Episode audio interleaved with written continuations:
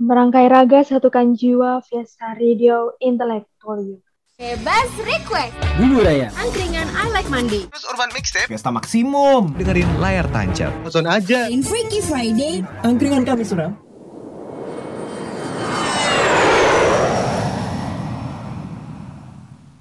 Fiesta Radio Cause the Podcast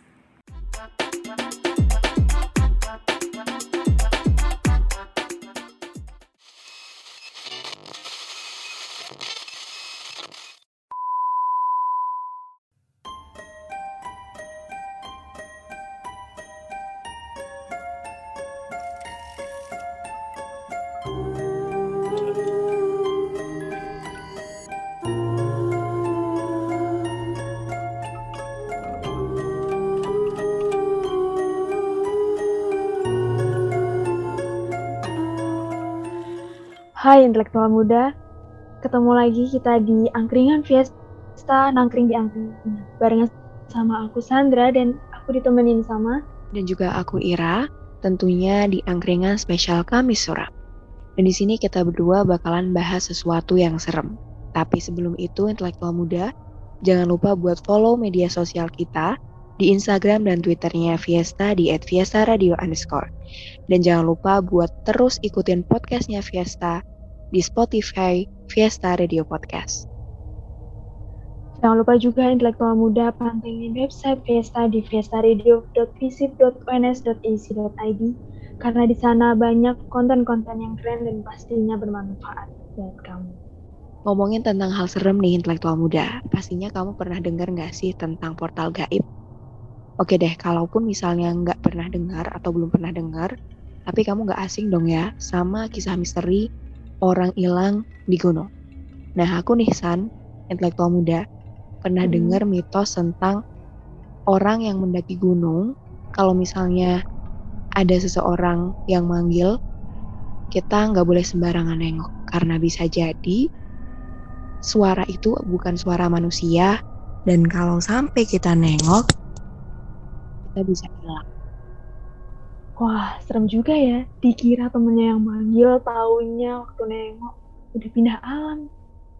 Kalau aku ya, Ra, pernah denger ceritanya di salah satu gunung di Indonesia itu. Kalau misalnya kita tersesat atau hilang, baju yang waktu itu kita pakai, itu tuh harus dibalik dan dipakai lagi. Biar biar orang ini bisa balik ke dunia manusia. Oh, bisa dicoba kali ya. Barangkali mungkin besok kita tersesat. Tapi amit-amit deh ya, jangan sampai tersesat. Karena kita tersesat di dunia normal aja, ngerasa bingung setengah mati, apalagi tersesat di alam gaib. Pasti serem banget. Pasti sih, ya kalau di dunia manusia kan ada yang namanya maps-nya intelektual muda. Tapi kalau di alam gaib kan nggak ada. Jadi jangan coba-coba deh, jangan sampai tersesat di alam gaib. Kalau tadi Sandra udah bilang, jangan sampai tersesat di alam gaib. Tapi kan kita nggak pernah tahu ke depannya kita bakalan dapetin pengalaman apa ya intelektual muda. So, kalau misalnya kamu sampai tersesat di alam gaib, kamu perlu tahu kalau di sana dan di dunia nyata itu terdapat perbedaan waktu. Jadi nih Sandra, kalau misalnya di sini mungkin udah berjam-jam, Mm-mm. ternyata di portal gaib itu baru lima menitan. Wah, mungkin karena di dimensi gaib itu mereka tuh nggak kenal ruang dan waktu ya. Jadi kerasanya kayak normal aja. Padahal sebenarnya di dunia manusia itu udah lama banget. Kayak ini nih, aku pernah dengar cerita di Gunung Lawu. Itu tuh ada seorang pendaki yang hilang selama seminggu deh kalau nggak salah. Tapi waktu dia ditemuin, dia ngerasanya kayak ya udah, aku habis balik dari aku mendaki besokannya gitu. Padahal aslinya dia tuh udah hilang selama seminggu. Gila, gila, gila. Ngeri banget sih. Jadi dia tuh kayak ngerasa baru dua hari, padahal di dunia nyata udah seminggu gitu ya. Dan pastinya Mm-mm. eh, dia ngerasa aman, walaupun dia ngerasa aman-aman aja, tapi itu orang-orang di sekitar dia pasti ngerasa khawatir. Kok ini anak tiba-tiba hilang gitu. Nah, intelektual muda, kalau kamu punya cerita-cerita tentang misteri di gunung atau orang-orang hilang di gunung atau mungkin kamu atau teman kamu yang ngalamin itu boleh banget langsung share sama kita di sosial media di Instagram ataupun di Twitter di @viasaradio underscore. Nah, intelektual muda, tadi kan kita udah bahas tentang gunung ya, misteri orang hilang di gunung, tentang cerita-cerita di gunung.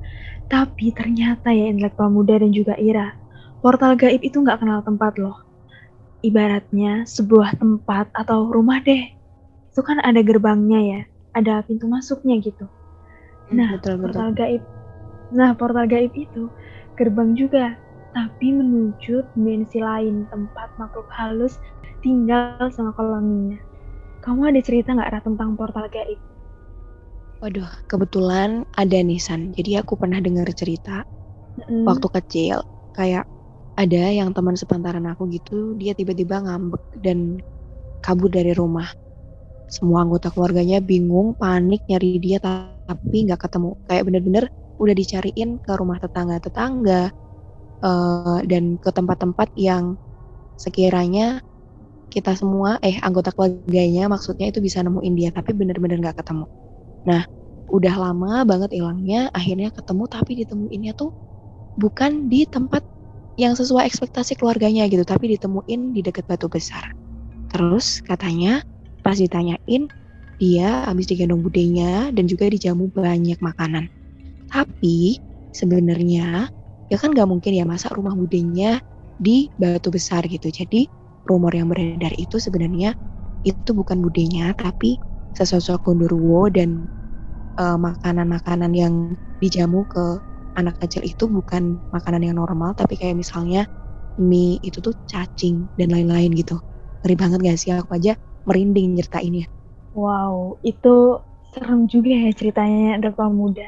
Jangan sampai deh kita ngalamin kayak gitu karena ya mungkin bisa buat cerita tapi nggak dong. Masa kita mau terjebak dan tersesat di dunia gaib. Tapi sebenarnya intelektual muda dan juga Ira, kegiatan di dimensi lain, maksudnya kayak ya ada perdagangan, perbudakan di dimensi lain itu sebenarnya sama kayak di dunia manusia. Cuman bedanya di sana kan makhluk halus ya. Dan malahan katanya peradaban di sana itu lebih maju daripada dunia manusia. Masih ngomongin tentang perbedaan di portal gaib dan dunia nyata ya intelektual muda. Jadi ada kota yang sempat viral karena dikenal dengan kota gaib. Nah, disebut dengan kota W. Konon, gerbang gaib kota ini tuh kalau dilihat pakai mata batin kayak emas berkilauan gitu. Bahaya juga ya buat orang yang gila-gila harta, imannya nggak kuat. Lihat emas berkilauan langsung terbuai. Padahal sebenarnya itu bukan kehidupan asli manusia nih intelektual muda. Terus nih, tahu nggak sih intelektual muda dan juga Ira, manusia yang berasal dari alam gaib itu mereka itu fisiknya itu ya namanya juga makhluk lain ya. Mereka itu nggak punya lipatan di atas bibir kayak manusia gitu. Betul banget Sandra. Aku juga apa namanya pernah dengar beberapa referensi gitu ya. Katanya anak-anak indigo itu kan pastinya bisa lihat makhluk halus dan katanya Hmm. bentuk makhluk halus itu macem-macem. Ya salah satunya yang udah disebutin Sandra tadi, nggak punya lipatan di atas bibir layaknya manusia. Dan ada juga bentuk lain yang kayak misalnya tuh mukanya rata, dia nggak punya mata, nggak punya hidung, bahkan juga nggak punya mulut gitu. Nah, intelektual muda, kalau misalnya kamu pernah ada pengalaman tentang memasuki portal gaib atau mungkin kamu ada cerita tentang gimana sih perbedaan portal gaib dan dunia nyata bisa ya sharing sama kita di Instagram atau Twitternya Fiesta di @fiesta_radio underscore.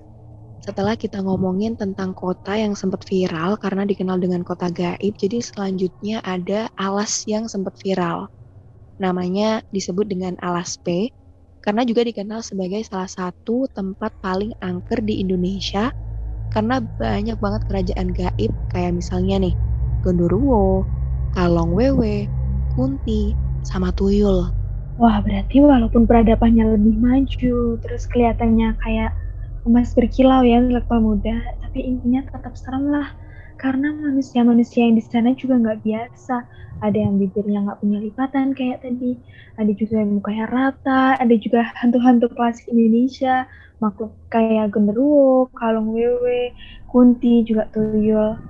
Jangan deh masuk ke portal gaib Sebelumnya kita udah bahas ada kota dan alas yang viral karena keangkerannya dan juga berkaitan dengan portal gaib ya pastinya.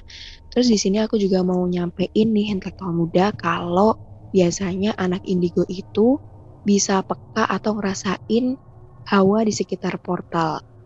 Kayak misalnya dia tiba-tiba ngerasa panas di dalam tubuhnya, nggak nyaman, dan kerasa terintimidasi gitu. Terus kenapa mereka bisa kerasa kayak gitu anak indigo? Karena ada hawa negatif dan jahat banget gitu dari portalnya ini. Waduh, berarti itu kayak orang-orang terpilih ya, anak-anak indigo yang bisa ngerasain. Jangan sampai deh intelektual muda kalau misalnya udah ngerasa kayak gitu, banyak-banyakin berdoa mungkin ya. Karena aku sendiri dan juga Ira belum pernah ngalamin kayak gitu. Jadi ya jaga-jaga diri aja, pokoknya gitu deh. BTW Ra, tadi kan kamu bilang di kota W yang viral tadi, itu kan kalau dilihat Mm. gerbang gaibnya itu kayak emas berkilauan. Tapi sebenarnya bentuk portal gaib itu gimana sih? Kamu tahu nggak, Ra? Oke, jadi kebetulan banget tadi siang itu aku baca ya. Kalau Raditya. Dika, sosok komedian yang terkenal banget ya di Indonesia, itu di rumahnya ada portal gaib dan akhirnya si Raditya Dika itu ngedatengin sutradara dari tanah Jawa namanya Om Hao dan Om Hao ini langsung kayak punya pengalaman gitu di rumahnya Raditya Dika ini. Jadi selaku penyambung lidah antara portal gaib dan dunia nyatanya. Dan katanya si Om Hao ini bentuk dari portal gaib ini adalah kayak lubang hitam gitu. Aduh, aku nyeritainnya ke kamu tuh sambil kayak merinding gitu loh. Wah, nggak bayangin sih kalau misalnya ternyata rumah kita yang kita anggap nyaman, yang kita tinggalin tiap hari. Taunya ada portal gaib dan bikin jadi ada gangguan-gangguan misterius di rumah kita. Ternyata portal gaib benar-benar nggak kenal tempat ya intelektual muda. Makanya nih, kalau misalnya intelektual muda atau Ira mau ke tempat yang asing, yang belum pernah didatengin, ikutin aja deh tradisi dan aturan di sana. Mulutnya dijaga, nggak usah teriak-teriak, apalagi ngomong kata-kata kasar. Tapi nggak perlu parno juga ya, karena portal gaib ini cuma narik orang-orang yang nggak fokus dan lemah imannya. Jadi biasanya kan pandangannya kosong kayak gitu, terus orang bilang, eh nggak boleh ngelamun, nanti kesambet mungkin kayak gitu. Itu mungkin ada arti khususnya ya, Ira. Betul, aku setuju banget Sandra sama kalimat kamu yang katanya kita harus ngikutin tradisi. Jadi walaupun kita mungkin nggak mempercayai mitos yang beredar di masyarakat ketika kita berkunjung ke daerah tersebut, tapi setidaknya kita harus menghargai gitu. Benar. Dan juga aku juga setuju banget kalau misalnya sebenarnya kita bisa sampai ke portal gaib itu pastinya karena kita tuh kurang fokus atau pikiran kita tiba-tiba kosong. Jadi aku sekali lagi mau ingetin ya intelektual muda, kalau kita harus tetap baca doa dan ingat Tuhan karena bagaimanapun kalau misalnya kita sampai tersesat, yang bisa nyelamatin kita itu kehendaknya ada di tangan Tuhan. Oke, intelektual muda, tadi kita udah ngebahas tentang portal gaib, gimana seremnya, kira-kira suasana di sana. Eh, pastinya intelektual muda, kayak yang aku dan Ira tadi udah bilang, kalau misalnya kita ke tempat-tempat asing, ikutin aja aturan mainnya, jangan sampai ngelamun juga, selalu fokus, baca doa banyak-banyak kalau misalnya lagi perjalanan. Makasih banget buat intelektual muda yang udah dengerin angkringan kami suram di podcast kali ini. Jangan lupa dengerin podcast-podcast Fiesta lainnya di Fiesta Radio Podcast only on Spotify. Dan juga jangan lupa buat pantengin terus sosial media khususnya Instagram ya. Instagramnya Fiesta di @fiesta radio underscore karena bakalan sering ada live Instagram yang pastinya bisa kita bisa diskusi bareng tentang topik-topik yang seru banget. Dan juga nih intelektual muda jangan lupa kalau misalnya ada kritik ataupun saran, mau itu kritik dan saran buat podcast yang kamu dengerin hari ini atau podcast-podcast yang lain atau juga live IG, bisa langsung aja dikirim ke fiestaonair@gmail.com. Terus di sini karena tadi Sandra udah ngucapin makasih ke intelektual muda karena udah dengerin podcastnya Fiesta, aku mau ngucapin juga makasih buat Nabil selaku produs- produser buat podcast hari ini dan juga Bimo selaku TOP. Dan akhirnya dari Fiesta dengan cinta, Kita bangun Indonesia.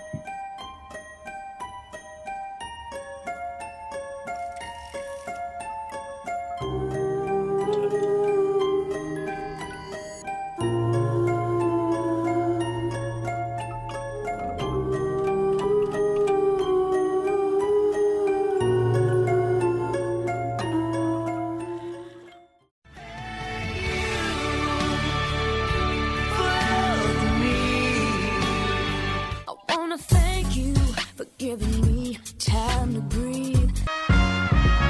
Thank you, thank you, thank you. Far too kind. Thank you, India. Thank you, Providence.